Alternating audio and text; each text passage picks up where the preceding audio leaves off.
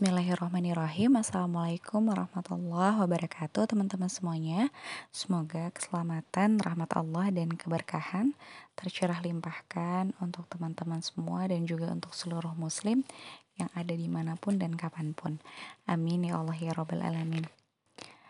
Alhamdulillah, Alhamdulillah, Alhamdulillahirabbil Alamin.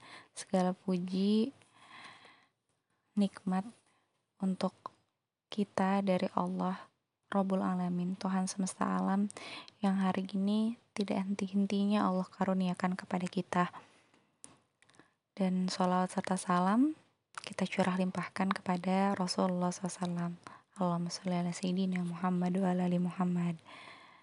Ya, gak kerasa ya, sudah mau akhir dari materi kuliah keempat ini tentang mempertajam rasa dan perasaan.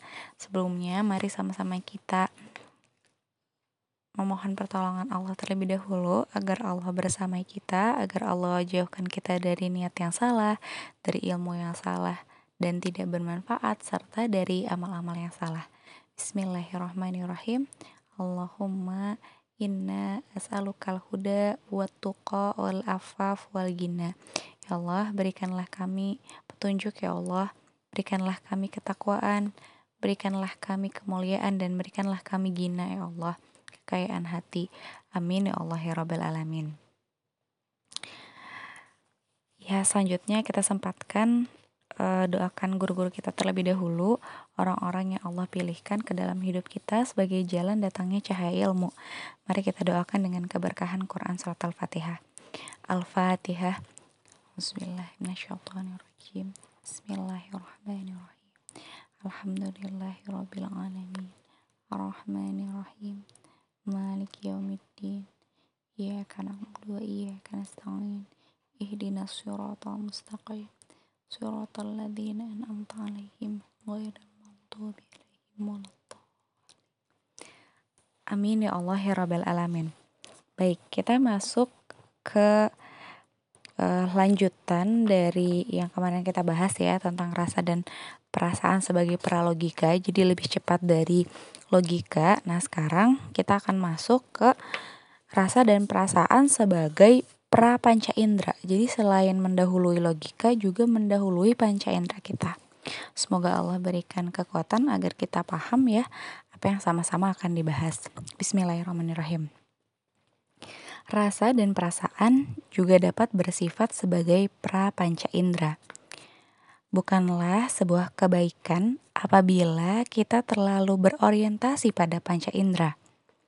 Ada kalanya kita membutuhkan suasana yang memungkinkan kita untuk dapat meneru, merenungi banyak hal tanpa melibatkan panca indera, sebagaimana Rasulullah SAW yang sering bertahanut.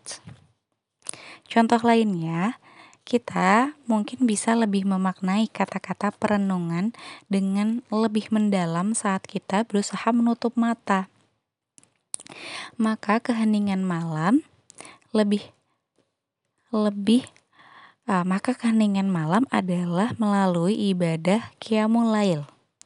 Ini karena dalam suasana ini kita tidak terlalu menggunakan mata ataupun telinga kita Bahkan dalam menggunakan teknik-teknik meditasi pun, orang-orang biasanya juga menutup mata. Namun, sebagai Muslim, kita sudah memiliki beragam pilihan ibadah dalam rangka melakukan upaya-upaya reflektif untuk uh, refleksi diri, ya, di mana kita bisa uh, tidak selalu mengandalkan panca indera kita, seperti berdoa dan bermuhasabah di sepertiga malam. Rasa dan perasaan kita perlu dilatih karena panca indera bisa menipu. Panca indera memang sangat kita butuhkan. Namun ada saat-saat di mana kita dapat tertipu dengan panca indera kita. Maka dari itu, kita perlu terus mengasah kepekaan dan rasa serta perasaan kita agar kita bisa merasakan dengan hati kita terutama terhadap hal-hal yang tidak dapat ditangkap oleh panca indera kita. Sebuah penelitian menyebutkan bahwa apabila kita ingin mencari barang-barang yang hilang, hendaklah bertanya kepada perempuan. Karena perempuan pada fitrahnya cenderung akan menggunakan rasa sebelum menggunakan panca inderanya. Di dalam rumah pun sering kali anggota keluarga bertanya kepada ibu mengenai tempat suatu barang. Terkadang sang ibu menjawab, bukan karena ia menggunakan logika, namun karena ia sangat mengetahui kelakuan dan kebiasaan setiap anggota keluarganya.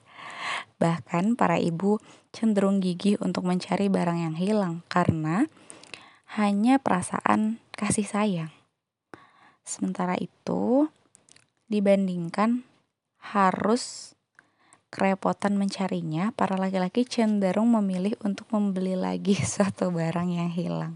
Padahal kalimat sudahlah nanti kita beli lagi sesungguhnya itu tidak melatih rasa. Masya Allah. Ya, ternyata kalau ada barang yang hilang ya itu bisa pakai rasa juga gitu. Dibandingkan kita uh, bener-bener sampai tracking gitu ya tadi ke mana tadi ke mana ke mana kita minta tolong dulu sama Allah ya Allah di mana ya Allah? Biasanya tuh langsung kerasa gitu ada di mana. Aku sering mengalami itu. Ya bahkan ada ketemunya tuh di tempat-tempat yang mungkin tidak ter apa ya terfikirkan sebelumnya gitu. Jadi ketika menggunakan logika tuh kita kan pasti akan tracking gitu ya.